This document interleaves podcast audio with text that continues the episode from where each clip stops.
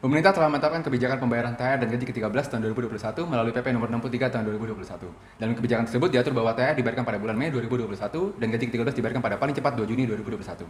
Kebijakan ini juga dapat mempengaruhi pendanaan IPA pada satuan kerja. Baik, kerja.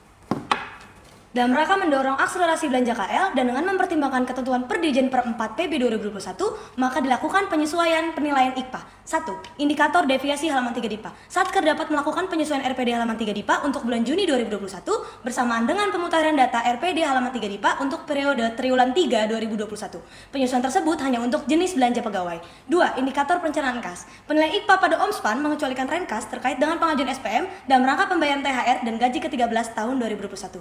Sekian breaking news kita kali ini. Saya Min Hai Kece. Saya Min Hai kece banget. Sampai bertemu lagi. Weh, bagi pulsa dong 50 ribu buat nelfon mantan. Yelah.